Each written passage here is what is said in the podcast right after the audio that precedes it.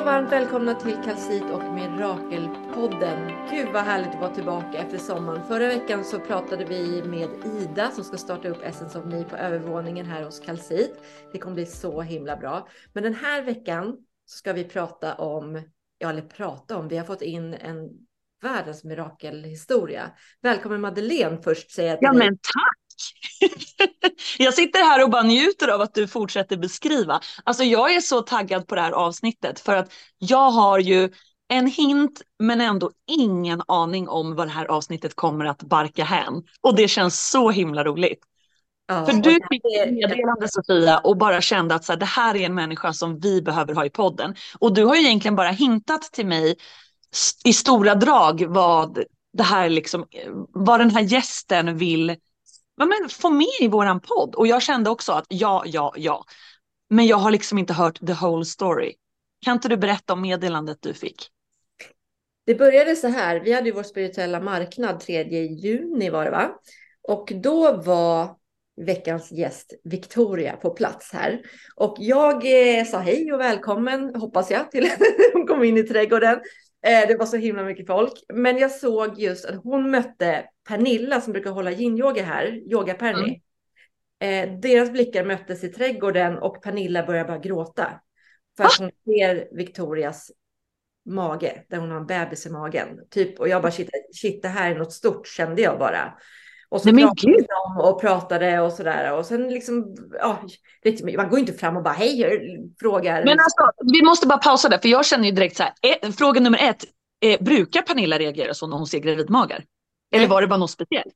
Nej, men de, nej, det visar sig att de här två känner ju varandra på ett sätt. Ja. Jag fattar ju det. Nej. Fråga nummer två.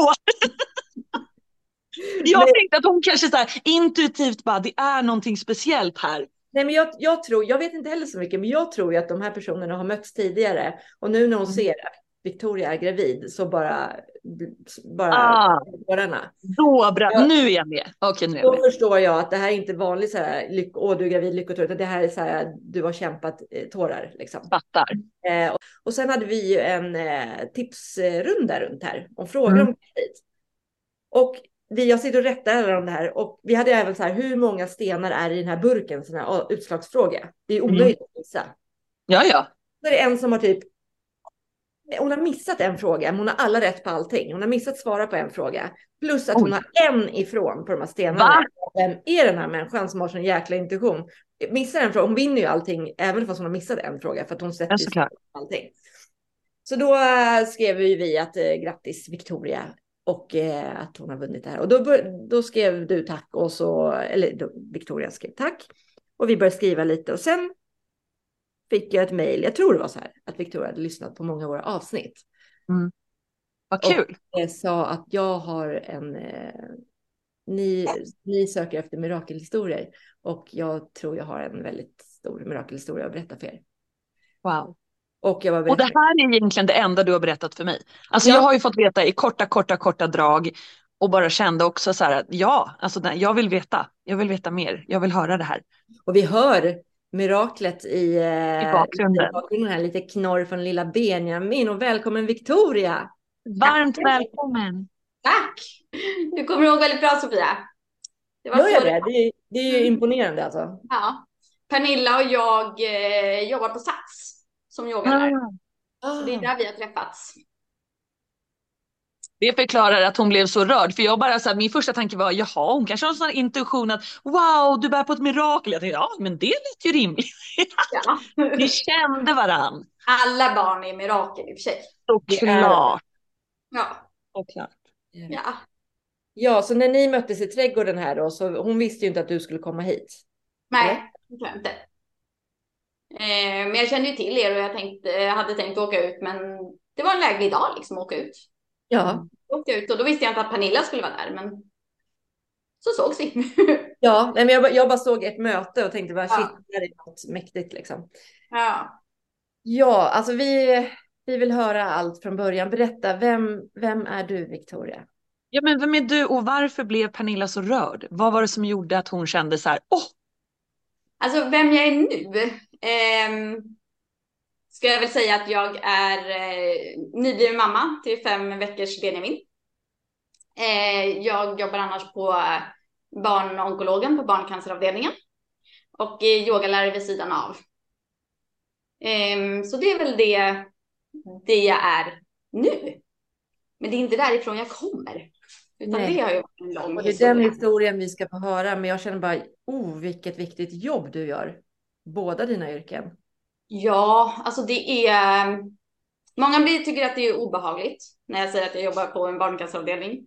Jag tycker det är helt fantastiskt. Eh, för barn är alltid... Alltså, barn är alltid person. Vi som blir äldre eh, har så lätt att det blir vår sjukdom. Just det. Eh, och det blir så svårt tycker jag, för jag, kan ha, jag har jobbat med vuxna också, men ofta så går man in och bara hej hej, jag heter Victoria, jag ska ha hand om dig idag. Ja, hej, jag har cancer. Det är så här, fast jag vet inte vem du är. Men de här barnen har ju så mycket liv. Jag menar, vi cyklar trehjuling ute i korridorerna, vi hoppar hage, vi sitter och har samtal med tonåringarna, vi sitter och sjunger. Alltså det finns så mycket liv mm. i de här små superhjältarna. Ja, men för där handlar det väl också mycket om att det är den fysiska kroppen som är sjuk, men det finns en, en, en kropp mentalt här inne. Medan vi vuxna nästan, precis som vi ofta pratar om i den här podden, glömmer bort att det finns den här mentala människan hos oss också. Vi är inte bara i vår hjärna och i vår fysiska kropp, utan vi Nej. är här inne också. Nej. Och där har vi närmare ofta. Ja. Vad fint. Mm. Ja, och så yogan då som kompletterar. Jag är så rädd för den sjukdomen så jag vågar knappt säga. Jag... Fast även, ja, barn, barncancer. Vi klarar ju så otroligt mycket mer barn med cancer än vad vi klarar vuxna. För vi kan ge otroligt mycket starkare mediciner i och med att de har snabbare cellförnyelse. De har inte några grundsjukdomar som ofta vi har, kanske av levnadsstil och nikotin eller hela den biten som gör att vi redan har nedsatt kropp som inte orkar lika mycket. Deras kropp är ju helt friska. Det här är ju bara en, en mutation som har gått fel. Mm. Eh, så vi kan ge så mycket starkare mediciner till de här. Så visst, de blir, de blir ju sjuka av medicinerna, men vi kan ju slå ut dem. För att vi har inte ett hjärta att ta hänsyn till som kanske har belastats. Vi har inte blodförträngningar eller förträngningar i blodkärlen och hela den biten. Mm. Vi klarar ju så otroligt mycket mer barn oh. än vad vi gör. Skönt att höra ändå. Mm. Ja, oh, gud, du är superhjälte också som jobbar där. Igen. Ja, det här jag säger det, jag som är så, tycker att det är så obehagligt med sjukhus och hela den miljön och får så mycket katastroftankar och ångest, är så tacksam över alla som jobbar där för att jag vet att jag aldrig skulle fixa det. Så jag är bara så tacksam över varenda människa som lägger sitt liv åt att göra det bättre för andra på alla de här ställena där man själv inte skulle fixa det. Liksom. Det är tur att vi alla är olika så vi alla kan bidra på olika ställen. Så. Precis. Verkligen. Jag skulle aldrig klara att vara tandläkare men jag är väldigt tacksam att tandläkare ja. ja, ja, men visst. ja. Ja. Men du säger Victoria att det här är inte var du kommer ifrån från början. Nej. Hur var det när du var liten? Jag tänker du pratar om de här små hjältarna. Det finns kanske en anledning till att du jobbar med dem tänker jag. Ja, det är det väl. Ehm, jag hade väl ett ganska bra liv sådär fram till tonåren kanske. Då det, ehm, nej men det, var, det var mycket som hände. Min stora syster flyttade till Umeå. Vi hade stått varandra jättenära. Hon är tio år äldre. Jag började i en stor ny skola på Adolf Fredriks musikklasser från att ha gått i en liten skola med bara 75 elever och lärare till liksom 1200 elever. Mm. Uh, man börjar bli tonåring, man börjar förstå världen. Um, och jag eh, hamnade i en svår anorexi helt enkelt. Mm. Um, och egentligen inte jag hade inte koll på så jättemycket saker mer än liksom att jag åt inte och jag drack inte. Eh, vilket gjorde att jag hamnade på sjukhus, såklart. Eh, för att jag var så dålig. Var det här något som din omgivning hann reagera på innan det gick så långt eller eh, lyckades du Nej, det var faktiskt min syster som kom tillbaka eh, under ett lov och fick mig till eh, BUP. Där de sa att ni måste till akuten direkt för att hon är så intorkad. Det, um, jag tänker, alltså ätstörningar och så, eh, mm. att det kan liksom växa fram mer och mer under en längre tid, men det här gick så fort alltså att du... Nej, den hade nog funnits, eller den hade ju såklart funnits där länge till och från. Och jag hade väl varit lite uppmärksammad på skolsjuksköterskan att jag inte riktigt gick upp i vikt ordentligt och sådär. Men samtidigt så var det väldigt, jag var allergiker mot mycket, så maten i skolan var dålig. Eh, jag var stressad, jag har alltid varit liksom underviktig. Så att mm. de hade lite koll, men det var väl ändå liksom inte sådär. Äh, jätte... Det var ingen som förstod att du gjorde det liksom mot dig själv eller på det sättet? Nej, jag tror inte det. Mm. Och det, inte, det var ju inte lika uppmärksammat då. Mm. Det här var ju ändå liksom 97 då. Som det var, som det här sen liksom. Mm. Men jag kom till akuten. De ville lägga in mig direkt, men jag skulle fylla 15 år dagen efter, så jag sa nej. Så då sa de, då får du komma i övermorgon. Kan man välja det själv då alltså? Jag pratade till mig det. Ah, okej. Okay. Ja. Ehm, också för att jag sa att jag skulle lova och försöka hålla mig okej okay, liksom. Men det gjorde jag ju inte. Eh, så jag lades in. Och sen blev det en kamp där under egentligen flera år med olika behandlingar. Eh, och eh, tyvärr blev det väl så att varje behandling gjorde bara att jag hittade ytterligare sätt att kontrollera min ätstörning.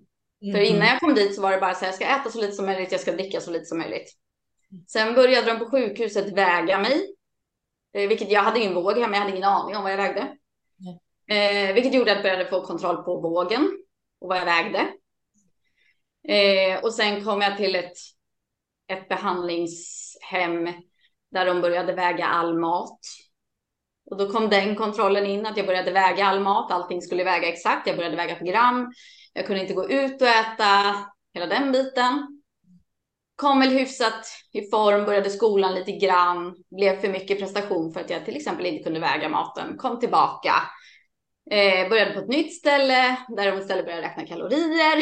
Mm. Och så hade man kalorierna och sen så var det ett himla kämpande där. Mm. Jag har tillbaka under flera år.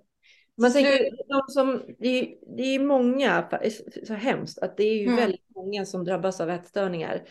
Eh, alltså hur, vad försiggår i, i ens mind liksom? När man, är det att ångesten av efter man har ätit oftast eller är det liksom innan du äter att stoppa något i eller hur? För mig var det nog bara det här att um, jag hade i den åldern så otroligt kontrollbehov av allt. Det vill säga liksom allt mitt liv var inrutat. Jag hade kontroll i skolan. Jag hade jag skulle ha kontroll på att jag hade bäst betyg. Jag skulle ha kontroll på att jag hann i tid. Jag var en sån där som var ute en halvtimme innan allting. Eh, allting skulle vara så perfekt. Eh, Men kommer det från någonting hemifrån? Kan du se i backspegeln att så här, åh, det kanske fanns en press på mig eller jag har en stora syster som jag ville leva upp till förväntningar till att också vara duktig som hon eller vad, vad tror du alltså, vi, vi, har, vi, vi är väl alla, eller alla i familjen har väl varit väldigt eh, duktiga. Ja. Eh, och sådär. Um, och sen var det det, mina föräldrar reste väldigt mycket, eh, vilket jag inte har lidit av. Jag har haft min låtsasmormor hemma hos mig mycket och sådär. Eh, men vilket gjorde att jag liksom från liten ålder, jag fick ta mig till mina ja, men cellolektioner, pianolektioner själv. Jag fick ta mig till skolan själv. Bara den här grejen liksom när man börjar i skolan in i stan och bor i förort och lär sig liksom som tioåring åka in till stan, ta den. Eh, mm. liksom, och sen Adolf Fredrik i sig som är en högpresterande skola. Ja, precis. Som ger väldigt mycket press. Mm. Mm.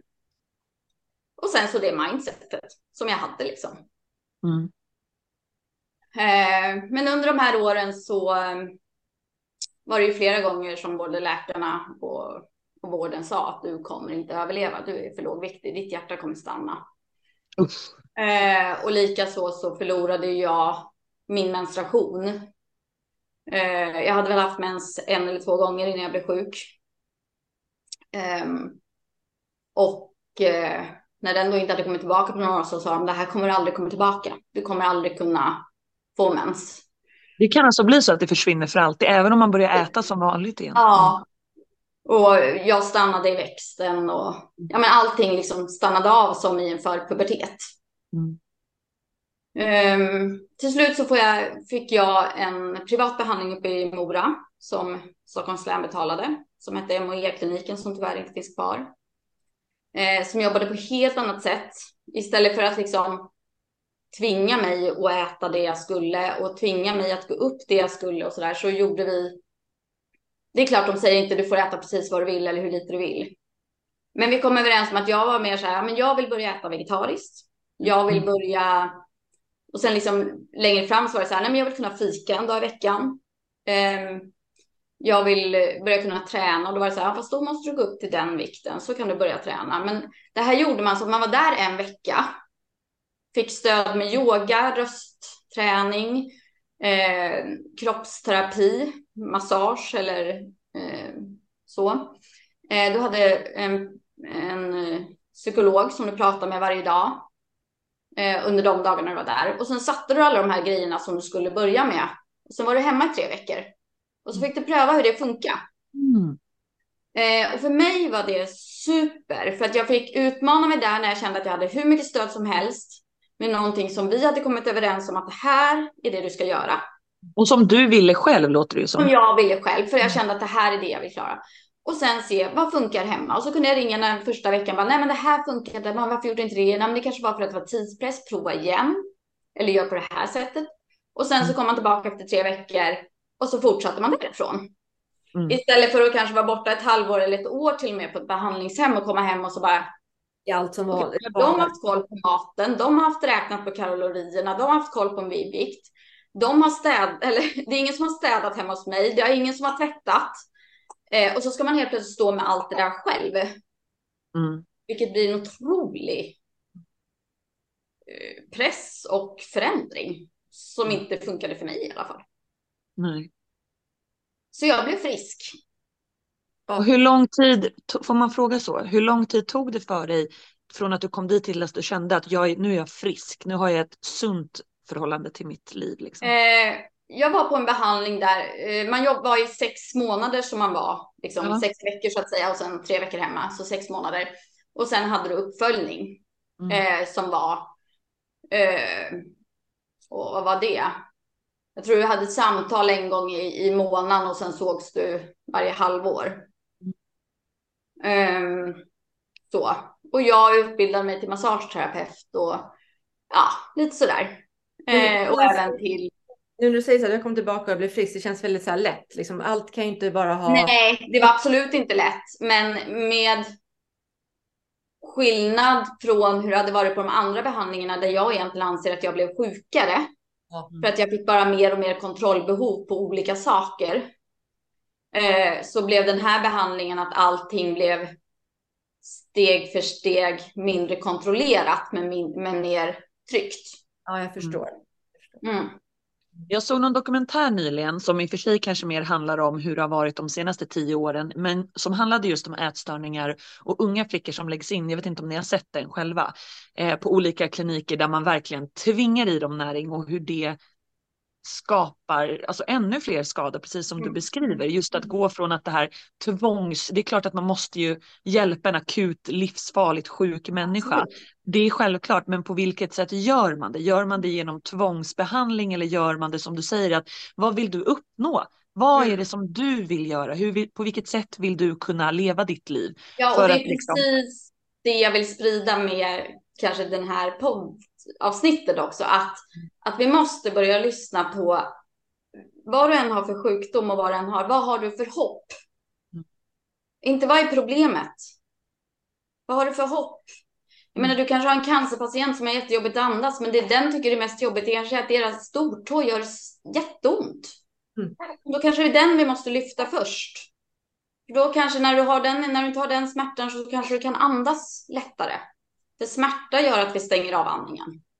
Mm. Um, och jag tror att det är även det i, i ätstörningsvården. Vi måste börja prata mer om hoppet. Vad vill patienten? Inte då att man lyssnar på det sjuka i patienten såklart. Nej. Att den kanske vill gå ner i vikt och den Men vad är hoppet? Är det hoppet att kunna få gå ut och känna lite frisk luft? Eller är det hoppet att få fira midsommar med sin familj? Eller är det hoppet att kunna börja sjunga igen? För det var det du märkte var att det fokuset fanns inte alls, utan det var bara Nej. du ska få i dig mat. Liksom. Ja, du ska gå upp i vikt så blir du frisk. Tyvärr. Och det är inte det det hänger på. Nej. Men det hänger väl ihop tänker jag lite med det du beskrev i början Victoria, just när man kommer in till en cancersjuk, ett cancersjukt barn. Där det är så här, de beskriver direkt vem de är. Berättar mm. om sina intressen och lever ut sitt liv framför dig medan en cancersjuk vuxen kanske då berättar om sin sjukdom först och främst. Mm. Att ta tillbaka fokuset till vem är du och vad vill du uppnå med det, uppnå med det du har just nu? Ja. Hur kan vi göra ditt liv nu så bra det går? I alla fall. Ja, exakt. Mm. Mm. Absolut. Det låter klokt. Ja, du blev massageterapeut, mm. men det fortsätter ju din kamp. Precis. Jag blir massageterapeut och jag blir även undersköterska. Han jobbar tre, fyra månader som undersköterska innan mina tarmar lägger av helt och hållet. Oj. Eh, så det är... Eh, ja, de tror att det är tjocktarmen som inte fungerar längre, så de beslutar sig för att lägga en stomi. Oj. Eh, och den blir planerad, eh, bara att jag blir så dålig innan så att de måste göra det här akut. Mm. Vilket dels handlar om att jag hamnade på samma avdelning som jag jobbade på. Mm. Vanligtvis så gör man det ju liksom, ja, som sjukvård så gör man det ofta på Ersta eller ett annat sjukhus i alla fall. Eh, men också att det kanske inte blev riktigt så kontrollerat som man tänkte sig. Nej, det är klart.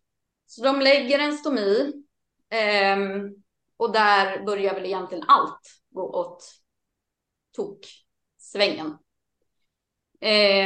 Så det blev rent ut sagt ett helvete. Jag eh, får reopereras tolv gånger under åren. Oj! Mm. Det blir bukhinneinflammationer, det blir prolapser, alltså att tarmen lossnar och åker ut. En del av tarmen dog två gånger. Det blev ilius som är alltså tarmvred och ja, ingenting läker. Såren går upp. Eh, det blev infektioner, det blev blodförgiftningar. Eh, och jag tappar ju såklart självklart jättemycket vikt. Mm. Eh, både för Hur att jag... hanterade du det då med din ätstörning i bagaget?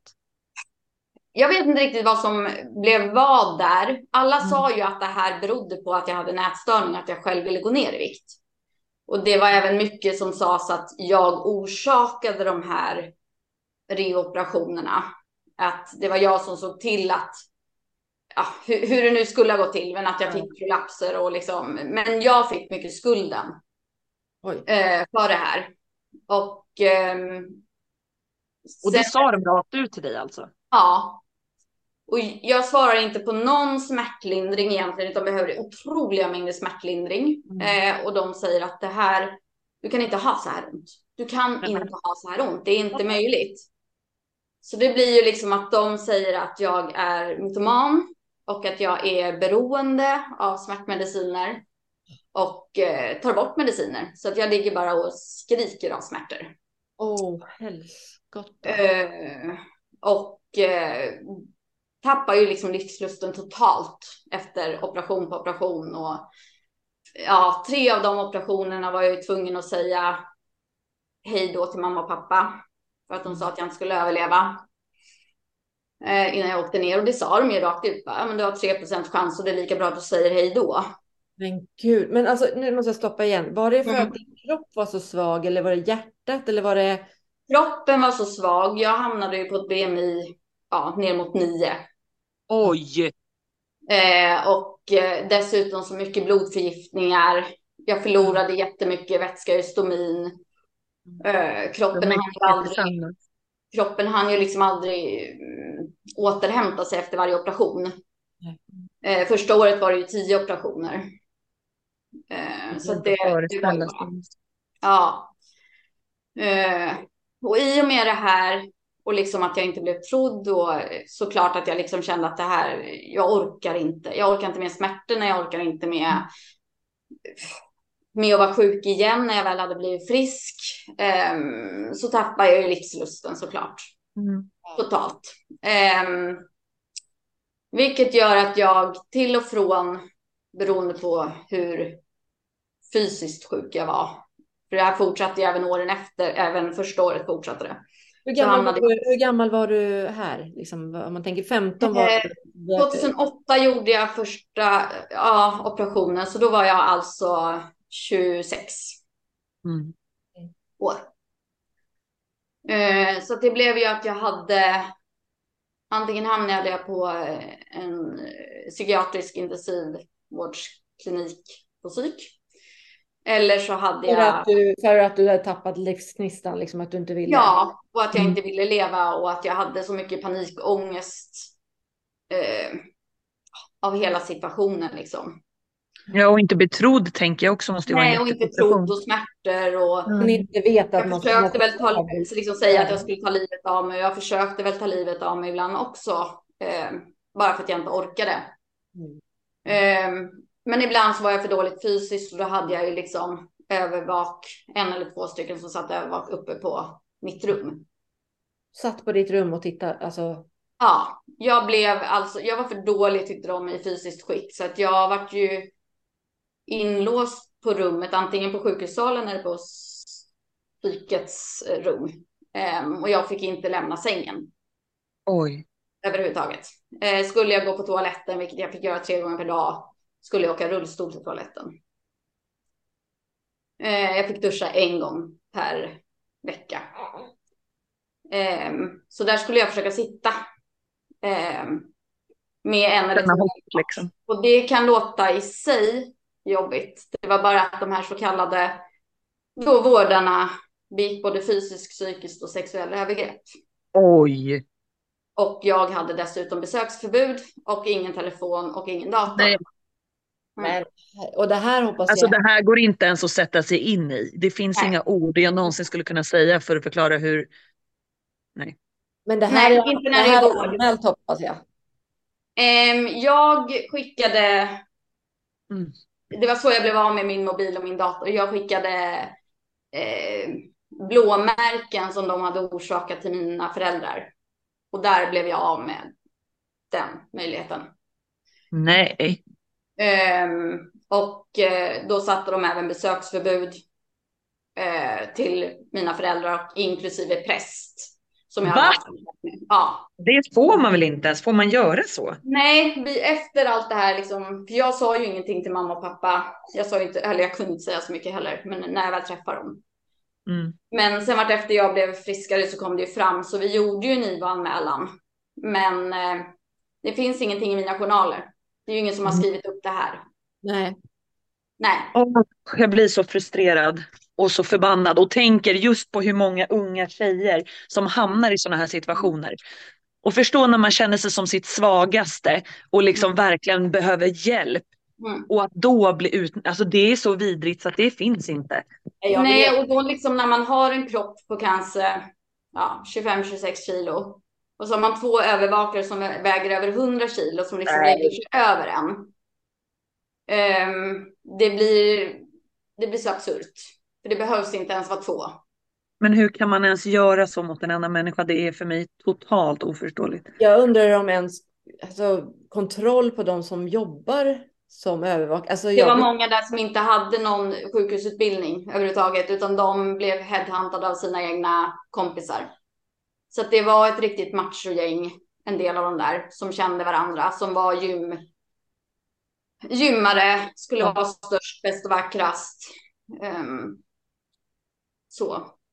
Men herregud, alltså det här, måste ju, det här måste du ju, alltså när du orkar, gå till grunden med och liksom få upprättelse för. Det enda jag fick upprättelse för med IVA-anmälan, det var att de fick eh, anmärkning på att prästen inte fick komma. För det, prästen ska alltid få ha Ja, det var det jag tänkte. Det har man ju hört. Präst ska alltid ha rätt att komma. Eh, och sen så fick de även, eh, för jag sondades då, för jag vägrade äta i allt det här. Eh, och då sondade de eh, så pass stora mängder på otroligt kort tid att det var livshotande. Så att det var Men alltså vad är det här för, alltså hur kan det få gå till så här på ett ställe där man ska vara som tryggast? Mm. Nej, jag, ja. Jag, Förlåt. jag, jag, bara, jag, jag tappar typ, jag blir typ stum. Ja. Så Oj, där, Det- Men jag där tänker, om jag får fråga sånt, överläkare, alltså andra det, det måste ju finnas någon som har tagit beslutet här att plocka bort din telefon, att ge dig besöksförbud. Mm. Som då alltså fått reda på att du har skickat de här bilderna. De måste ju alltså ha varit medvetna om att det har skett oavsett vad de tror, så någonting som har orsakat det här. Och de väljer Ja, ändå där att kan tro... man hitta på, där kan man hitta, alltså de som så kallade vårdarna kan ju hitta på vilka historier som helst. Ja, det är klart. Att du har gjort Åh, det att i, och med att jag är, I och med att det står i mina journaler redan att jag är Att du är mytoman. och att jag inte... Ja. Eh, och det är jag som är psykiskt sjuk och det är jag som har tvångsvård. Så att man är ju inte värd någonting. Usch. Men Ja. hur, hur kom du ur det här? Hur tog du dig därifrån? Och... Alltså jag hamnade ju där i omgångar till och från. Mellan sjukhus och sådär. Ehm, jag... eh, 2016, 2015. Eh, då hade jag gjort några operationer till. Och varit väldigt dålig. Ehm, så, och hade haft mycket ASIH hemma, alltså avancerad sjukvård i hemmet. Jag fick ju fortfarande inte i mig någon mat. Jag fick inte behålla någon mat efter att de la ner stomin den tionde operationen. Jag bara kräktes upp det eller det gick bara rakt igenom. Så jag fick eh, alltså näringsdropp i blodet dygnet runt. Eller 18 timmar per dygn. Eh, men det var ändå bättre att kunna vara hemma med det. Eh, för då fick jag ändå ett hem, hemmiljö. Men under våren 2015 så fick jag sju blodförgiftningar på rad. Och ehm, eh, jag skulle träffa min psykiatriker för att prata lite om sömn och så. Kommer till honom och han frågar hur det är. Och jag säger bara, nej men det är okej. Varpå han säger att det är inte okej. Till slut säger jag bara, nej men jag, har feber igen. Han bara, men då går du till akuten. Jag bara, nej, absolut inte. Jag går inte till akuten för jag hatar allt som hade med sjukvård att göra. Jag, för jag visste liksom att de kunde ta tvångsvård, de kunde hitta på precis vad är klart. Framförallt så lyssnade de inte på mig. Och jag fick ändå ingen medicin eller någonting. Han bara, nej men du går till akuten. Jag jobbar jour ikväll, så när du är därifrån, om du är därifrån, så kommer du tillbaka. Mm. Vi löser det då. Så till slut gick jag med på det.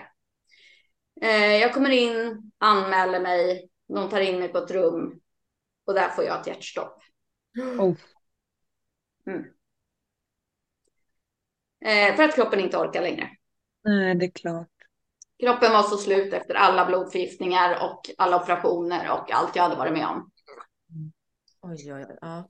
Ehm, och... Eh, Vilken tur att han övertalade dig dit tänker jag. Mm, Så att det var där när det skedde. mm.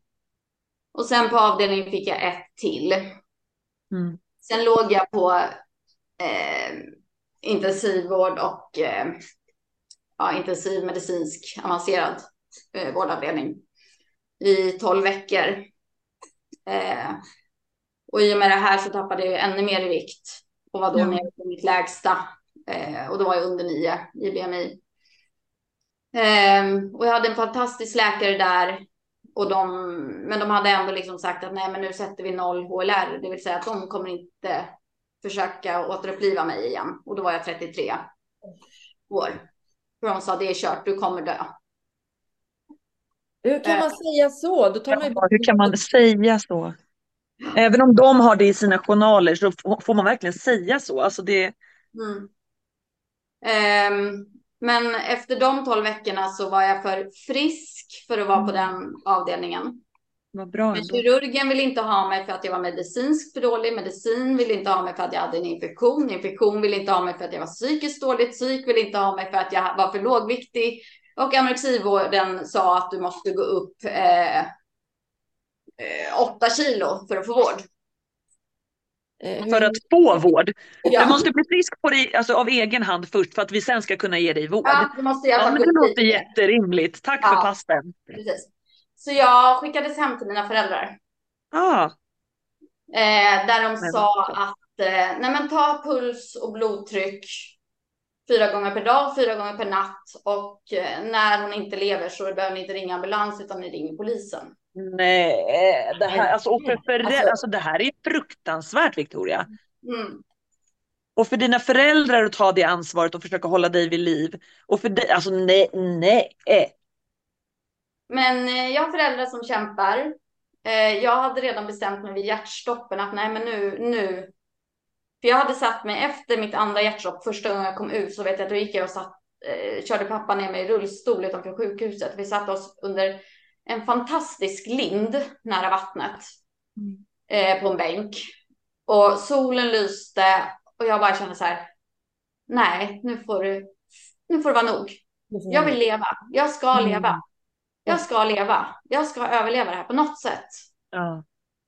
Ehm, och där och då så började jag liksom både liksom meditera långsamt, eller börja meditera, börja sätta upp liksom mål, börja sätta upp målbilder, vart jag ville och började liksom tänka åt det hållet. Wow. Eh, jag vet inte vad det var som hände där, men någonting hände där verkligen som gjorde att Du blev påmind om livet lät det som. Jag blev påmind om livet eh, och kanske också för att man hade varit så himla nära döden eller att man hade varit död liksom. Eh, och ändå liksom. Det var sommar, vilket är min bästa tid. Eh, så när jag kom hem så fortsatte jag manifestera det här, liksom att börja liksom sätta upp målbilder, vart jag ville och hela den biten. Samtidigt som mina föräldrar kämpade för att jag skulle få någon vård. Och eh, Region Stockholm vägrade betala upp eh, i Mora igen, vilket var det stället som hade hjälpt mig förut. Mm. Eh, men till slut så bestämmer sig mamma och pappa, nej men vi betalar det. Vi betalar det privat. Mm. Eh, så jag åkte upp dit, började med samma behandling igen. Eh, och i, i och med, jag tror, för jag började yoga där i, i det där sammanbandet också när jag kom hem, även om det var väldigt stillsamt, så började jag helt plötsligt kunna eh, behålla näringsdrycker. Wow. Jag hade ju då inte kunnat behålla mat på flera, flera år. Mm. Och det är ju, menar jag, det är ju inte du som inte vill det, utan det var ju, alltså du, det här blev så himla arg. Det här var ju liksom inte sjukdomen som gjorde att du inte kunde behålla, utan det var ju din kropp som inte kunde hålla kvar. Precis, och jag tror att när jag började meditera och när jag började liksom sätta upp målbilder och den biten, så det vi liksom vet med att mag-tarmhälsa och hjärnan just nu är ju liksom det att när vi är stressade, när vi är i en otrolig obalans psykiskt, så blir tarmarna otroligt obalans psykiskt. Gud ja. Men i och med att jag började meditera, jag började förändra mitt förhållningssätt, ehm, så började jag ju såklart lugna ner hela nervsystemet. Ja. Som jag tror har varit ur spel hela tiden. Ja. Eh, och långsamt men säkert började jag kunna få i mig det, det som var liksom som näringskrämer istället som är då lite mer fast och sen började jag kunna få i mig lite mer flytande kost och lite mer yoghurt. Men nu ville du liksom, nu ville du äta. Det var ingenting med sjukdom som gjorde att du, Det är klart att det fanns det också, men det var också mycket rädsla för att jag var rädd att magen skulle spåra ur igen. Ja. Så, så fort jag fick ont i magen så var det så här, nej men det här kan jag inte äta. Mm. Där fick jag jättemycket hjälp uppe i Mora, just det här att ja, men var, var du orolig och stressad? Ska vi prova en annan gång när du känner dig lugnare? För att vi Just provar en gång till, för annars hade jag nog uteslutit livsmedel efter livsmedel för varje gång det inte funkade. För det. det har ju så otroligt mycket större perspektiv Mm. varför man ibland inte... Jag menar, vi kan ju få ont i magen för att vi går och fikar en dag, men det behöver inte betyda att vi är glutenallergiker för det. Mm. Utan det är bara att just den dagen var det lite för mycket. Vi var stressade eller vi åt lite för fort eller vi svalde lite luft eller Ja, precis. Hade det varit en annan dag kanske det hade funkat jättebra. ja, precis. dig, din kropp blev liksom ett alarmsystem som bara kickade igång direkt. Du blev rädd. Mm. För, ja, jag fattar. Ja. Mm. Ehm, Men här hade du inte stomi längre, utan nu de... nej, den var nedlagd. Eh, för att de insåg liksom det håller inte med stomi. Så den la de ju ner efter tionde operationen. Men sen fick jag ju eh, två tarmvred till som de var tvungna att operera Okej. också. Ehm, Men var det den här Mora-vistelsen som någonstans vände på allting som gjorde att du kände att du fick liksom hjälp att landa i ditt mind och kunna Ja, det och att jag började meditera och att jag började yoga. För yogan i sig gjorde för första gången att jag började knyta an till min kropp som jag liksom helt hade stängt av under den här tiden. För det gjorde för ont. Det var för mycket, eh, ja men bara övergrepp i sig gör ju att man stänger av kroppen och sådär. Men med yogan började jag känna in liksom kroppen. Ja, men där, ja, men det här känns okej att stretcha ut lite där. Nej, men där kan jag inte. Och jag började kunna andas. Hur hittade du in till yogan och meditationen undrar jag? Alltså hur, vad fick in, hur hittade du det, de verktygen? Nej, men yogan hade vi ju haft lite i Mora redan första gången jag var där. Ja. Eh, så. Och sen har jag liksom under tiden jag var på psyk så började det eh, falla in mycket på det spirituella. Eh, jag började samla på kristaller som jag höll på där med i sängen liksom och försökte hitta energierna där och. Fick pappa åka och köpa kristaller för jag hade liksom, ja, men jag hade en bok om kristaller bara, "Ja, men den här behöver jag just nu liksom och sådär. Mm. Ehm, så jag, det, det var väl liksom både tidsfördriv men också någonting att knyta an till. Mm. Ehm, Jag tänker också att det låter som att yogan gjorde att du fick ta tillbaka, ta tillbaka din kropp till att vara din. Jag tänker att det låter som att det har varit andra människor som har varit så engagerade i den här kroppen, fysiska kroppen i så många år. Mm. Att du ska äta det här och vi ska väga det här och någon har ja, men, tagit sig friheter och att yogan kanske blir ett sätt att lära känna sin kropp och se den som sin egen igen, att ta tillbaka den lite. och bara våga känna att ja, men det gör Ja. ont där, eller det känns spänt där och det är okej och jag kan andas där men det går inte att andas där. Ehm, och bara få ner andetaget. Jag tyckte aldrig att jag jobbade liksom med pranayama, andningsövningar och sånt där. Men jag minns så tydligt, eh, ja, kan det, det kan ha varit kanske ett och ett halvt år efter jag hade börjat yoga, att liksom regelbundet verkligen på, eh, på en yogastudio så eh, hade jag haft otroligt mycket hosta ett tag. Eh, så hostade jag sönder ett revben och helt plötsligt kunde jag inte andas ordentligt. Eh, För att det gör ju så ont när man har som går sönder. Och jag bara kände hur mycket ångest jag fick och panik jag fick. Och där och då inser jag att under det här ett och ett halvt året hade jag ju tagit bort alla ångestmediciner utan att ha tänkt på det. Mm. Jag hade ju liksom tagit ja, men olika Stesolid och, såna, och Tralen och sånt som är ångestdämpande när jag hade känt att jag hade ångest. Mm. Jag hade inte tänkt på att jag under de här ett och ett halvt åren automatiskt hade tagit bort dem. Fasat ut för att du fick färre och färre ångestattacker. Ja. Men då är det plötsligt när jag inte kunde andas så insåg jag liksom, ja, men det här är ju andningen som gör. Jag hade ju helt enkelt lärt mig att andas när jag kände mig stressad, när jag kände mig att nej, men nu känns det inte bra, så hade jag lärt mig att börja ta djupa andetag och sänka stressen. Ehm, så det var så här, jag minns att det var en så cool upplevelse för samtidigt, okej, det gjorde jätteont och jag fick ångest, så var det ändå så här, ja, men jag kommer kunna andas mig ur den här sen. Ja. Ja, du har hittat något som funkar och du har gjort det själv. Du klarar Ja. det. Och Det blev ju även min sjukgymnastik, både liksom för att få upp rörligheten i kroppen igen efter så mycket stillasittande, men även liksom styrka och den biten. Men lika mycket liksom att lära känna kroppen. Jag ser bara, jag, jag har ju följt dig på Instagram ett tag sedan vi började skriva. Eh, och när du var höggravid med Benjamin som föddes 10 juli på min lillebrors födelsedag. Ja. Då eh, var det någon vecka innan så stod du på huvudet. Jag stod Va? på huvudet dagen innan. Ja. Va? Jag var ju flodhäst från typ vecka 10 alla gånger. Apropå att inte ha någon kontroll av kroppen i kroppen och styrka till att ha den här kroppen som du har byggt upp helt själv. Mm. Det är så Både många- mentalt och fysiskt. Ja. Mm. Det var ju samma Wow. sak, jag var ju uppe på yogamattan fem dagar efter förlossningen. Ja, det fick jag också lite så här, tapp- jag vet själv hur jag var efter ett snitt. Ja. Eh, Kanske ska börja träna, det är ändå tre år sedan Maja föddes känner jag nu. Jag var sju år, jag har inte fått upp styrkan i min kår än. Tänk vad olika det kan vara. Det är ju varje graviditet olika. Jag menar vissa Ja, mår jättegott. Jag mådde super hela min graviditet egentligen. Ja, ja, vi måste Men höra. alltså bara det måste vi. Ja, vi måste så här, nu, nu backar vi igen. Det är så kul att prata Ja. graviditeter så jag måste ju hålla mig Ja, jag blir också helt Ja. Men vi backar igen och då var Mm. du, började, hit- du hittade, hittade in yogan och du hittade in i meditationen och kunde bygga Mm. dig själv inifrån. Mm. Hur gammal är du nu? Nu är jag 41. Ja, men då menar jag. Då? När, när Eh, jag, ehm, 33 var ju 2016, så säg när jag var 35-36 började jag komma tillbaka till livet. Eh, började arbetsträna eh, och började jobba efter det.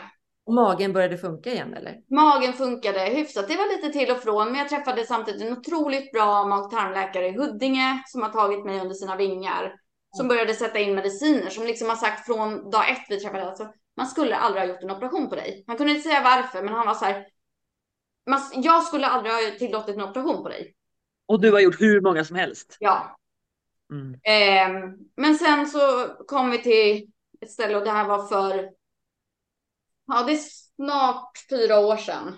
Eh, så kom vi till en punkt då det inte funkade med mina mag-tarmmediciner längre. Det, alltså det, tarmarna strulade mer och mer och jag fick mer och mer ont och blev såklart rädd.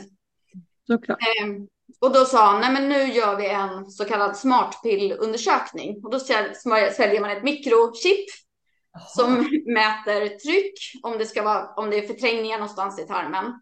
Den mäter pH-värde om det är fel bakterier i olika delar av tarmen. Den mäter eh, värme. Vilka grejer! Ja, precis. Mäter värme om det är inflammation någonstans i tarmen, för då går temperaturen upp. Och den mätte, alltså klart hur lång tid det tog att passera. Ja. Eh, och där upptäcker man att min tunntarm går hälften så fort som en vanlig människa. Mina tjocktarmen går dubbelt så fort. Ah, det är obalans. Det är obalans och det är en typisk eh, obalans för någonting som heter EDS eller Downloads syndrom som är en bindelsjukdom. Mhm. Så då, Eh, hittade man, då hittade man orsaken. Till allt egentligen.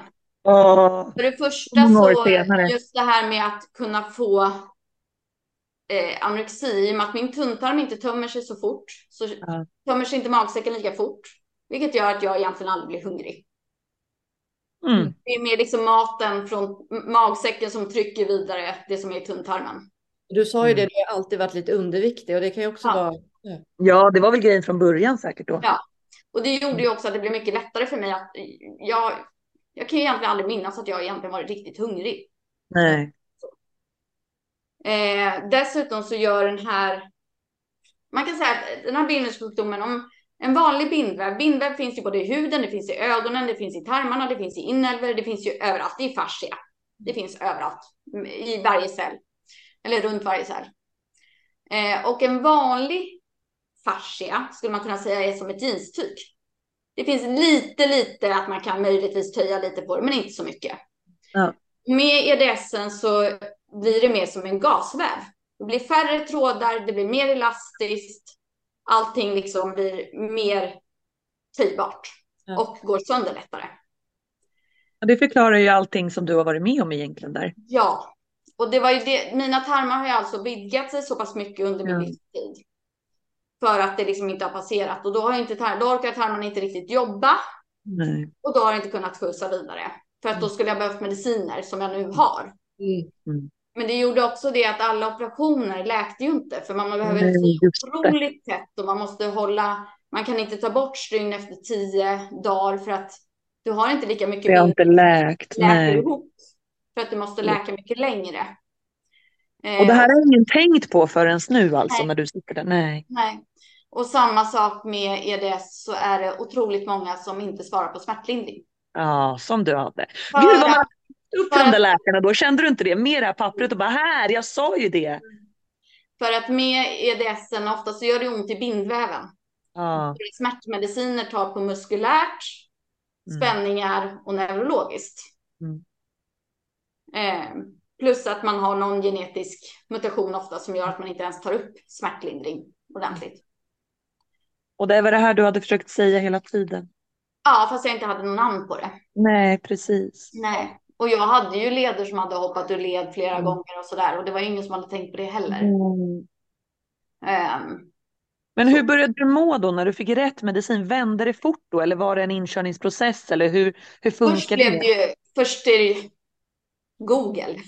Ja. Jag började googla på hur, hur dåligt alla mår med EDS och hur mycket det försämras med hela den biten och ditten och datten liksom och vad som kan bli sämre och sämre och vissa blir sämre i det ena och vissa blir sämre i andra, vissa blir rullstolsbundna, vissa eh, men jag bestämde mig efter något halvår, bara, nej men jag kan inte följa, jag kan inte, jag kan, vissa får vissa leder som de behöver operera, andra får mag-tarm som helt spårar ur och bara kan gå på dropp och andra får, alltså det är så olika och jag kan, jag kan aldrig säga vad det blir eller hur det blir.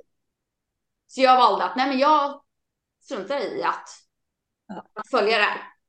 Det enda jag kan göra nu är att jag kan börja träna mer rätt. Mm. Det har jag alltid vetat att Skapa dina förutsättningar med det du har. Mm. för min smärtlindring har alltid varit, och så var det även när jag var sjuk, att jag, och det hade jag också sagt hela tiden, att jag kan inte sitta still för det gör så ont i kroppen. Ja. Och för mig så sa de bara, nej men det är ju för att du har anorexi, du måste röra på dig. Mm. Och jag sa, nej men det gör ont i kroppen. Mm. För min smärtlindring har varit hela tiden att så länge jag är i rörelse så har jag inte ont. Mm. Sen finns det de med det som har tvärtom, att de får mer ont av att röra sig. Men min smärtlindring är att röra sig och det vet vi ofta att, att smärta lindras av. av ja, att man kommer igång liksom. Ja, precis. Mm. Så jag började ju träna stabilitet. Mm. Eh, vilket gjorde, det därav dig Sofia, att du sa att jag var så stabil. Men jag, jag började utmana mig. Jag började jobba med pilatesbollar. Eh, Ja. Jag började jobba med balansbrädor. Mm. Eh, och det där blev ju en kul grej. Och min PT hjälpte mig jättemycket, eller han hjälper mig jättemycket. Han läste på om EDS. Han pratade med sjukgymnaster som jobbade med EDS. Eh, och när han sa att det där kommer aldrig gå. Du kommer aldrig kunna göra en bakasan, alltså en, en tranan på en boseboll upp och ner. Det ska man inte säga till Men dig. då gör jag det. Så. Eh, och du kommer aldrig kunna göra en hög planka på två pilatesbollar, en under händerna och en under fötterna. Jag bara, nej men då gör jag det. Men kände du här att, för det låter här som att det kom tillbaka en del livsglädje. Att i den här utmaningen, Ja. i att hitta rätt, att det faktiskt började kännas som att det fanns något att leva för. Att du fan, fick fram Framförallt, i det. framförallt så kände jag ju liksom att jag, jag hade inte haft fel alla de här åren. Nej. Att få lite känslan av att det hade... fanns en anledning. Ja. Ehm, och dessutom att det, visserligen alla, alla journalanteckningar finns ju alltid kvar från förr i tiden. Men jag kan alltid be dem att titta på de nyaste journalanteckningarna. För där finns förklaringen varför Ja, det andra finns. ja exakt. Du har kämpat hela livet alltså.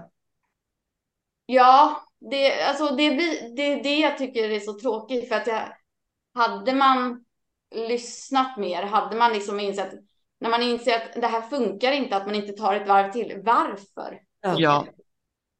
Och inte så här det här, vi kommer inte återuppliva dig igen. Man bara what? Alltså, What? Ni, Nej, det fanns ju i tre år efter. ja, men jag ändå Men att säga så till någon som har tappat livsglädje, eller liksom, nej, alltså det går inte att förstå. Nej. Nej. Ehm, men så där kom det ju ett under liksom att jag överlevde, att jag levde och hela den biten. Men jag hade inte fått tillbaka min mens. Hade du inte haft den på hela den här tiden? Nej. Nej. Och eh, det har väl alltid varit min största vilja att vilja bli mamma. mm, Och sen blev det ju så här, liksom, redan efter ett par år efter de hade sagt när jag hade anorexi då att jag inte skulle vara, men jag kan alltid adoptera. Ja, ja. Man tänker, Eh, men sen alltid liksom det som hände på psyk så har det ju blivit svårare liksom att ha Mm. en relation. ja, det, Så- ja. den biten. Eh, och sen så började jag bli gammal. Så det var så här, nej, men det, jag, jag får, får vara nöjd med mitt liv liksom. Mm. Så som det är liksom. Det, det finns, finns så mycket ändå att glädjas åt. Nu hör vi Benjamin. man har med jolle där i bakgrunden. Åh, Ja, Jag är här Men för två år sedan så kom mensen tillbaka. Mot alla odds. Ja, Och hur gammal var du då, får man fråga då var det? jag 39. Och då bara, nu vill jag att du får mens, säger 24 kroppen. år senare tycker kroppen, nej men jag mår så himla bra. Ja. Men, Jag men vad, vad, vad gjorde du då när du bara var på toa och bara, men holy, det är blod i trosan, eller vad? Eh, jag ringde min syster som är obstetriker, alltså jobbar på... Bara, Vad är det här? "Ka- ska, jag söka, ska jag söka akut? Eller tror du att det här är mens? Du borde satt de där trosorna på en pinne och haft som flagga, jag har mens! Det roliga, det roliga i det hela var att jag jobbade, det här var på nyår, och jag jobbade på Ängsbacka yogafestival Ja. eh, som volontär. Och de energierna där, Ja. på Ängsbacka med yoga Ja. eh, under nyår. Ja, men shit. Ja. Eh, med massa kvinnor och massa hormoner och kärlek och sådär. Det gjorde väl liksom att det var sista kicken ja. Och jag får gåshud. Wow. för att kroppen ska komma igång. Nu pratar vi inte ens om att hon var gravid än. Vi pratar om att hon Nej, nej, vi pratar bara mens. Ändå har jag gåshud. Eh, jag tänker, Men levde du i en relation vid det här tillfället? Får Nej. man fråga så? Nej. Ehm, Hur nej, gick och jag, tankarna då? jag tänkte väl för att jag hade pratat, jag pratade med min gynekolog senare och sådär att eh, men hon bara nej men det, det är nog så förstört. Det är okej liksom att jag kommer men äggen lär ju inte vara så bra. Nej. Sen hade jag lite problem med magen. De gjorde ett ultraljud och så var, råkade de säga det. Jaha, men här har du ägg som är- verkar vara aktiva. Jaha, sa jag. och insåg att nej men nu, eh, nu är det dags att ta tag i det här va. Ja. Så att jag eh, insåg att IVF i Sverige kommer jag inte få, få göra. För då, då har en för, Sverige är så hårda med bakgrunder. Ah. Eh, man får inte ha varit sjuk. Eh, vilket jag tycker är jättetråkigt för du ser inte att någon som har blivit frisk har så mycket mera kanske livserfarenhet Ja. och kan hantera det mera bättre än vad en som har varit frisk hela sitt liv. Ja. Eh, så jag vände mig till Danmark. Mm. och eh, fick eh, sju embryon. Oj. Eh, de första fem fäste inte alls och då sa de väl nej men det här kanske inte. Du gjorde alltså fem försök då? Nej, jag tog ut Nej. så att jag fick sju. jag, Ja, jag tog, tog ut typ 14 ägg men sju stycken blev embryon. Okej. Eh, men de första fem fäste inte och då sa de nej men det kanske du kanske har för mycket medicinska komplikationer ändå även om de hade gjort jättemycket extra kontroller och så. Så du, du satte in fem, fem insättningar liksom, och fick Ja, det var det jag menade. Ja. Mm. Och sen satte de in det sjätte som fäste, men som tyvärr blev ett eh, missfall i vecka nio. Mm. Uff. Ehm, de såg att det hade slutat växt då, så att ja, vecka åtta ungefär, åtta plus tre så hade det slutat växt. Och sen vecka nio Mm. skulle man ju kolla om hjärtat slog. Ja. Och där och då kände jag så här, nej men nu, nu ger jag upp. Ja. Jag, jag orkar inte med det här längre. Jag, jag orkar inte. Alltså det, det blev sånt bakslag. Mm. Men jag tänker varje insättning av nytt Ja. embryo nytt hopp, nytt, ny väntan och sen blev det inget och så ska man vänta på psyken igen. Och så ska, alltså det måste ju vara otroligt psykiskt påfrestande Oh, också. här- förstår. Jag vet, Ja. jag har inte haft den kampen så, men man ska inte jämföra kampen med att bli gravid och Nej. så. Men, eh, Ture är ju IVF, vår Mm. yngsta. Eh, och det var också, alltså, bara man plussar på stickan så är det ju liksom att man typ, då har man fått ett barn. Men det blir så Ja. när man plus. Man tror ju nästan det när man inte varit med om det förut. Ja. När hormonerna i blodet går upp och liksom allting. Och sen framförallt när man inte liksom har fått någon avstötning. Så Exakt, Då är det exakt. så här, nej men nu lever ju barnet. Mm. nej, det har inte levt på fem dagar liksom. Mm. Sex dagar.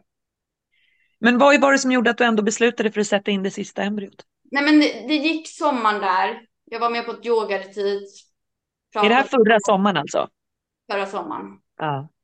Var på ett yogaretreat, pratade med yogaläraren där. Hon bara, men det är klart du ska prova en sista gång. När, alltså, Ja, du har en var- kvar. ja, ja, så till slut kände jag så här, men kommer jag kunna leva med att det fanns ett embryo kvar? Visserligen det kanske inte blir någonting, men kommer jag kunna leva med att, Det hade att, kunnat bli något. att det hade kunnat bli något? Mm. Och så plussar jag. Ja. Och så Alltså. slår hormonerna upp. Och så slår hjärtat i vecka nio. Och så vecka 12 så är kubben perfekt. Och i vecka 20 så är allting på plats.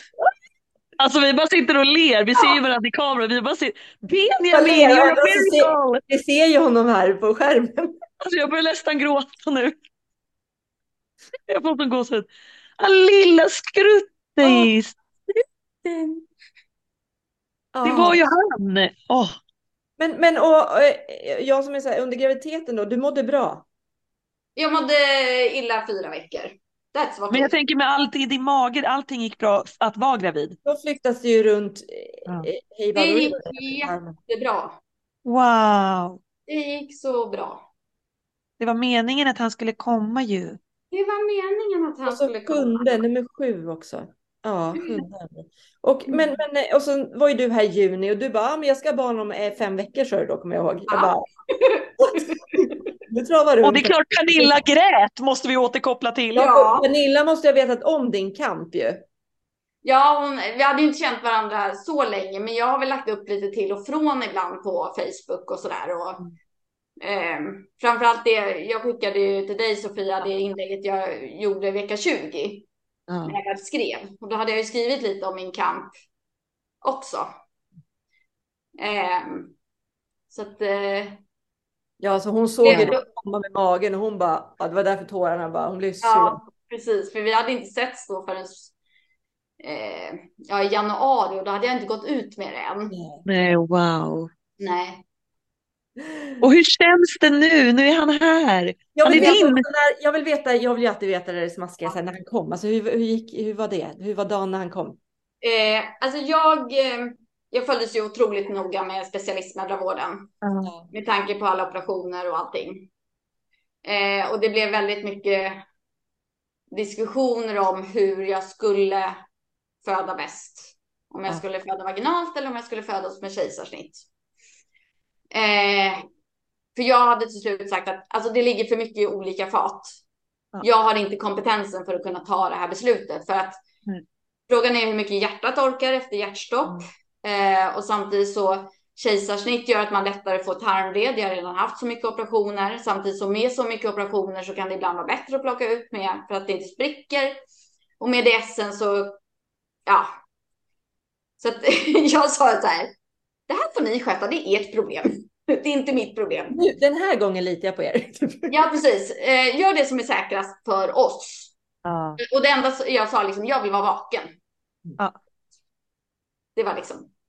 Eh, och alla läkarna hade väl samma huvudbry tills anestesin sa att nej, vi, vi, eh, i och med att du, för de hade ju försökt sätta EDA på mig, alltså att man har en ryggbedövning under alla operationer och den hade inte tagit med Just, de smärtmedicinerna och så. Mm, Just det, Eh, då sa han, nej men då har ju du säkert, antingen så har hon stuckit fel någon gång och det har blivit ett ärrbildning som gör att den inte rinner rätt. Eller så, så hjälper inte de medicinerna. Och han sa, i och med att du inte tål några andra, för jag tål inga smärtmediciner heller nu på grund av allting. Jag tål inte Alvedon, jag tål inte paracetamol, jag tål inte morfin, jag tål inte. Eh, Så sa han, vi har ingenting att sätta till. Nej. Utan då har vi möjligtvis en spinal. Och spinalen, då har vi bara en 20 minuter, en halvtimme på oss. Mm. Och skulle du börja föda vaginalt då och det inte funkar och vi har ingen aning om hur mycket eh, sammanväxningar vi har av Nej, dina operationer, då kommer vi ha svårt att hinna få dig att vara vaken. Mm. Så han sa, om jag får bestämma åt dig så vill jag göra ett kejsarsnitt för att det är det vi, vi kan känna oss trygga med. Ja, och då är det jag planerat att- kanske och man kan liksom göra det man kan. Ja, och då kände jag så här, hur som helst så de sista som överhuvudtaget kommer ha ett slutord i det hela, hur det än påbörjas, så är det ju anestesiologerna. Ja. vad gör de? Det- Jag som inte kan alla termer. Eh, det är ju alltså de som lägger lokalbedövningarna, de som söver, de som, Ja. när det blir akutsituationer eller när det blir planerade operationer, de ser till att jag både är smärtlindrad och att jag eventuellt sover gott. Man själv Det är lika bra att de bestämmer från början. Ja, så det är ju Mm. de som har slut, slutgrejen liksom. Ja. ändå. Så då, där och då så bestämde vi till slut att nej, men det får bli ett planerat kejsarsnitt. Men du var vaken. Jag var vaken. Det Och hur kändes den här första känslan när han kom upp? När du såg han? Alltså det var ju helt... Eh, jag hade min bästa vän med mig på, på, eh, på operationssalen. Och hon sa bara, nu tror jag han har kommit. Jag bara, nej. Jo, men jag hör att det gnyr. Och sen hörde man ett stort skrik liksom. Och då sa jag, han är verkligen här." Och sen så låg han på mitt bröst och så myste vi. Och allting var jättebra. Gick det bra, kejsarsnitt och allt? Det gick jättebra. Vi låg Wow. kvar på BB tre och en halv dygn. Och det var det som var planerat. Wow. Men Hur funkar det i tarmarna? Jag har ju också gjort snitt som sagt och jag vet Mm. att tarmarna, det, är, alltså, det gör så ont eh, på mig som har vanliga tarmar. När Mm. allt ska ställas tillbaka med snittet och att eh, hur, hur klarade du det? För jag kunde knappt få luft. Ja, nej, jag hade ju, jag fick ju det som kallas subbilus, alltså tillfälliga tarmvred till och från under de här tre dagarna, tre, fyra dagarna. Eh, dels så har jag yogarörelser som jag har lärt mig att det här brukar jag få det att släppa. Ja. Eh, och sen så fick jag ju den, det finns en smärtlindring som heter Ketogan som är ett morfinpreparat som jag tål. Mm. Eh, som de redan hade sagt från början att det här ger vi. Eh, visserligen kan det påverka barnet att det blir lite dåsigt, men det får vi ta de tre första dygnen för det är inte så mycket mjölkproduktion ändå som kommer. Så det lilla klarar de. Mm. Ja. Men sen i och med att jag har yogan, jag har lärt mig att hantera smärta väldigt mycket. Eh, jag, men, jag menar som en vanlig människa, man kan få huvudvärk och så, men det har inte jag någon smärtmedicin att ta. Mm. Du har fått lära dig liksom. Jag lär mig andas, jag lär mig stretcha, jag lär mig liksom att vara med smärtan. Mm. Eh, Så att det, det, det gick bra. Det är klart det gjorde Ja. ont till och från, men, men eh, när man vet när man vet att det går över. Jag kan Ja. alltid hantera smärtan när jag vet att den går över. Och när du Det var- hade honom också kanske. Att Ja, liksom fokusera Ja, ja, på att det- så här, den- det ja, går han- över och jag har dig nu. De frågar ju alltid om de skulle ta bort honom från bröstet Ja. när jag har som mest ont. Jag bara nej, nej, nej, nej. Här har Nej. jag oxytocin, här har Ja. jag oxytocin, här har jag Ja, oxytocin. exakt. Det är smärtlindring, han får ligga kvar, han får Ja, ligga kvar. jag förstår det. Oxytocin, Wow. smärt, smärtlindring deluxe. Mhm. Vilken revansch! Jaha. Och hur känner du nu? Känns det liksom, alltså vilken jävla story. Förlåt att jag svär, Ja. men alltså vilken jävla story. Och vilken revansch och vilken så här fight att ta tillbaka livet. Från att sitta under den där linden med solen i ansiktet till att sitta med Benjamin idag. Mm. Mm. Wow. Nej, men det, det är ju... Det, det var ju verkligen det här, jag skrev det liksom att eh, när drömmar krossas men Ja. hoppet består, då kan mirakel ske. Ja. Det var ju verkligen det, dröm efter dröm, både dröm efter, ja men det första att jag inte skulle få bli mamma, sen drömmen Ja. om att få leva inte skulle finnas, drömmen att ja, få ett liv överhuvudtaget in, krossades och de sa att jag aldrig skulle komma tillbaka liksom, eller att jag aldrig skulle kunna jobba. Ehm, men liksom någonstans har jag alltid haft ett hopp. Och när jag inte Mm. haft ett hopp så har mina föräldrar haft ett hopp. Ja. Ja. Så någonstans har det alltid funnits ett hopp.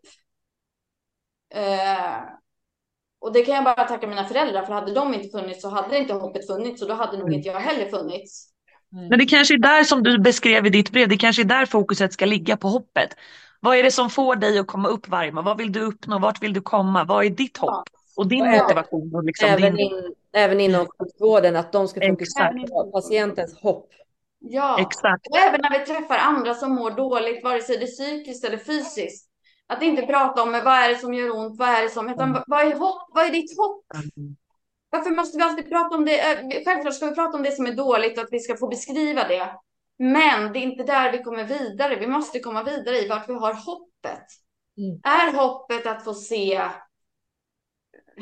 en valborgsmässa? Eller är hoppet att få och äta en glass? Eller är hoppet att och även om, även, även om det skulle vara så att du är palliativ och att du verkligen är döende. Vad är ditt sista hopp? Är hoppet att du ska få träffa din moster? Är hoppet att du ska få komma ut? Är hoppet att du ska få dö med din katt i sängen? Alltså, vi måste börja prata om hopp. Mm. För det är bara där mirakel kan ske. Kan man få dö i lugn och ro? Eller kan man få, få vara sjuk och ändå ha, ha ett mål? Mm. Eller att man vet att alla kämpar för att du inte ska behöva ont i din stortå. Eller att du ska, du ska få komma ner i entrén och käka din glass. Mm. Menar, det är då vi föder en livsgnista. Det är då, vi får något, det är då vi får någonting att leva för. Exakt. Ja, wow. Mm. Tack alltså. Och jag, jag vill bara fråga, nu backar vi in i, i tråkigt igen, men hjärtstoppen, Mm. Vad, vad hände då? Vad, vad hände i dig? Var, var du med om någonting eller var det?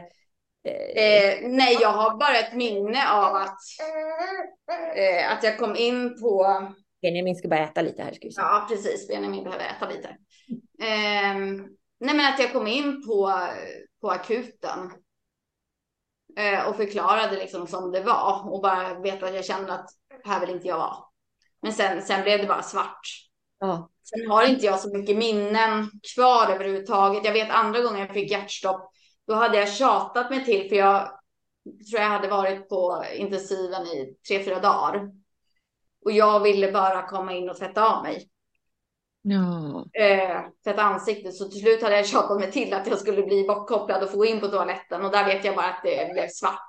Mm. Ja. Eh, Men vilken fantastisk tur att du var där du var i de situationerna, tänker jag. Gud, ja. Verkligen. Gud ja. Wow. Ja. Ja, tack, Oj, tack. Wow, jag är helt tagen. Jag, jag den här var en mirakelhistoria. Och nu har måste jag också ta tillfället i akt och säga det. Sitter du på en mirakelhistoria, tveka inte som du sa Victoria, men jag har, ingen, har inget företag, jag är ingen stor på sociala medier, jag är ingen kändis. Det spelar ingen roll. Vi vill höra små som stora mirakelhistorier och få dela och sprida hopp. För det är Mm. det du gör med din historia tycker jag Victoria. Att hoppet aldrig lämnar på något sätt. Och vad vi kan det får inte leda låta till? hoppet lämna. Vi får inte låta hoppet lämna. Mm. För jag, jag brukar säga att det är ett under att jag lever. Så många gånger Ja. har man sagt att jag ska dö. Men miraklet är ju Benjamin. Ja. För det är ju liksom absolut någonting som är Och förstå vad du kan sprida den känslan av hopp i ditt yrke. Som verkligen vet vad som krävs när någon mår så dåligt. Liksom. Ja, och jag tror att det är mycket det som gör att jag vill jobba med barnen. Förstår det. Det är det som för dig dit. Ja, dels har jag, även om inte jag haft cancer så har jag varit med mycket av dem alla liksom infarter, alla operationer de får göra, allt, allt de förlorar i skolan. Mm. Eh, och även om inte jag berättar min historia direkt så ibland så sitter man och pratar med tonåringar som bara, nej men jag har förlorat ett år, det är ingen som, jag måste gå om skolan och så här och bara säga att det går. Ja, Det går att komma tillbaka. Ja, har varit borta hur många år som helst. exakt. Du kan, jag har inte gått gymnasiet, jag har pluggat in det efteråt. Precis, det ger sig. Det ger sig, det går att komma tillbaka till ett liv. Mm. Ehm, och även då med, med de yngre barnen, även om de liksom kanske inte riktigt tänker så, så kan föräldrarna behöva höra det. Ja, det är klart. Ehm, och liksom förståelsen för, för jag har ju pratat med mycket mina föräldrar hur de har känt under den här tiden. Vilket Mm. gör att jag kan ju, jag vet ju inte exakt hur föräldrarna på avdelningen känner, men jag har ju ändå pratat med mina föräldrar hur de har känt när de har liksom trott att jag inte ska överleva. Och vad som har hjälpt dem. Vad har det varit då? Nej, för dem är det ju dels det här hoppet, de är alltid Pappa är väl den som har varit med mig mycket på sjukhuset liksom, och stöttat mig psykiskt och få mig att orka. Så han har ju stöttat mig liksom, på den mentala sidan. Mm. Eh, Medan mamma har varit den som har kämpat för vården och att jag ska ha rätt. För hon har alltid trott att det här det är någonting som inte är... Dels att jag inte har fått den vården jag ska ha. Men hon har alltid kämpat vidare liksom. För att det ska bli någon vård. Överhuvudtaget. De låter som ett bra team, hörru. De var ett bra team. De är ett bra team. Eller ja, pappa finns tyvärr inte mer. Han finns, han finns i Benjamin just nu. Men, men eh, ja, Ja. de var ett väldigt bra team. ja. Förstår. Mm. Gud, vilken fin historia. Hemskt. Verkligen. väldigt, jag har nog aldrig varit så tyst någon gång tror jag under ett poddavsnitt. Jag har bara tappat eh, andan och talan liksom. Ja, men och jag som började med att säga att jag hatar sjukhusmiljö, jag hatar ju om jag ska vara ärlig att prata sånt här också för att jag får ju sån ångest. Så om ni hade sett mig i den här, ni som lyssnar så har jag ju vandrat runt här lite i min mammas lägenhet samtidigt. Och det är mitt sätt att hålla fokus för att jag blir nästan yrslig alltså. För att jag Mm. tycker att hela så här sjukhussituationer är jobbiga men jag blir så tagen av det här. Och ditt sätt Victoria att berätta det på, att hela tiden hålla det där hoppet och man måste bara, nej jag måste bara höra klart. Det har varit otroligt eh, gripande. Jag är också helt tagen av din berättelse.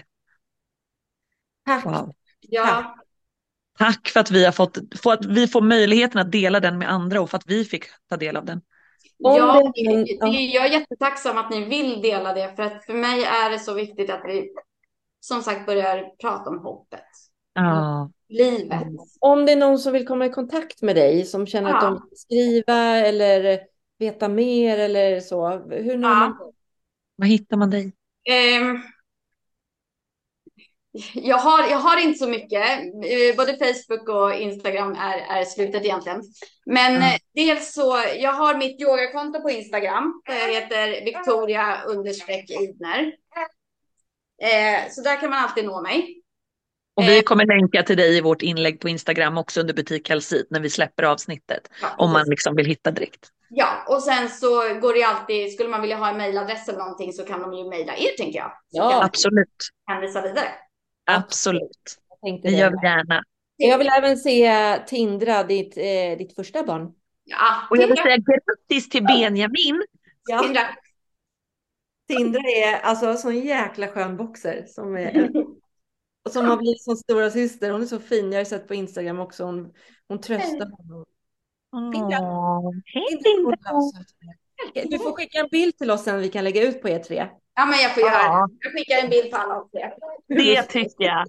Ja. Victoria, stort tack för att du gästade våran podd. Men Verkligen. Tack själva. Och Vi tack för önskar er all ni lycka och kärlek. Dig Ja. och Benjamin och Tindra. Victoria? Och tack. Tack för alla avsnitt ni redan har lagt ut. Åh, Jag plöjde under två dagar under amning. wow, de har gjort något bra. Oh ja. Oh ja. Tusen tack och vi hörs snart igen allihopa. Puss och kram! Kram.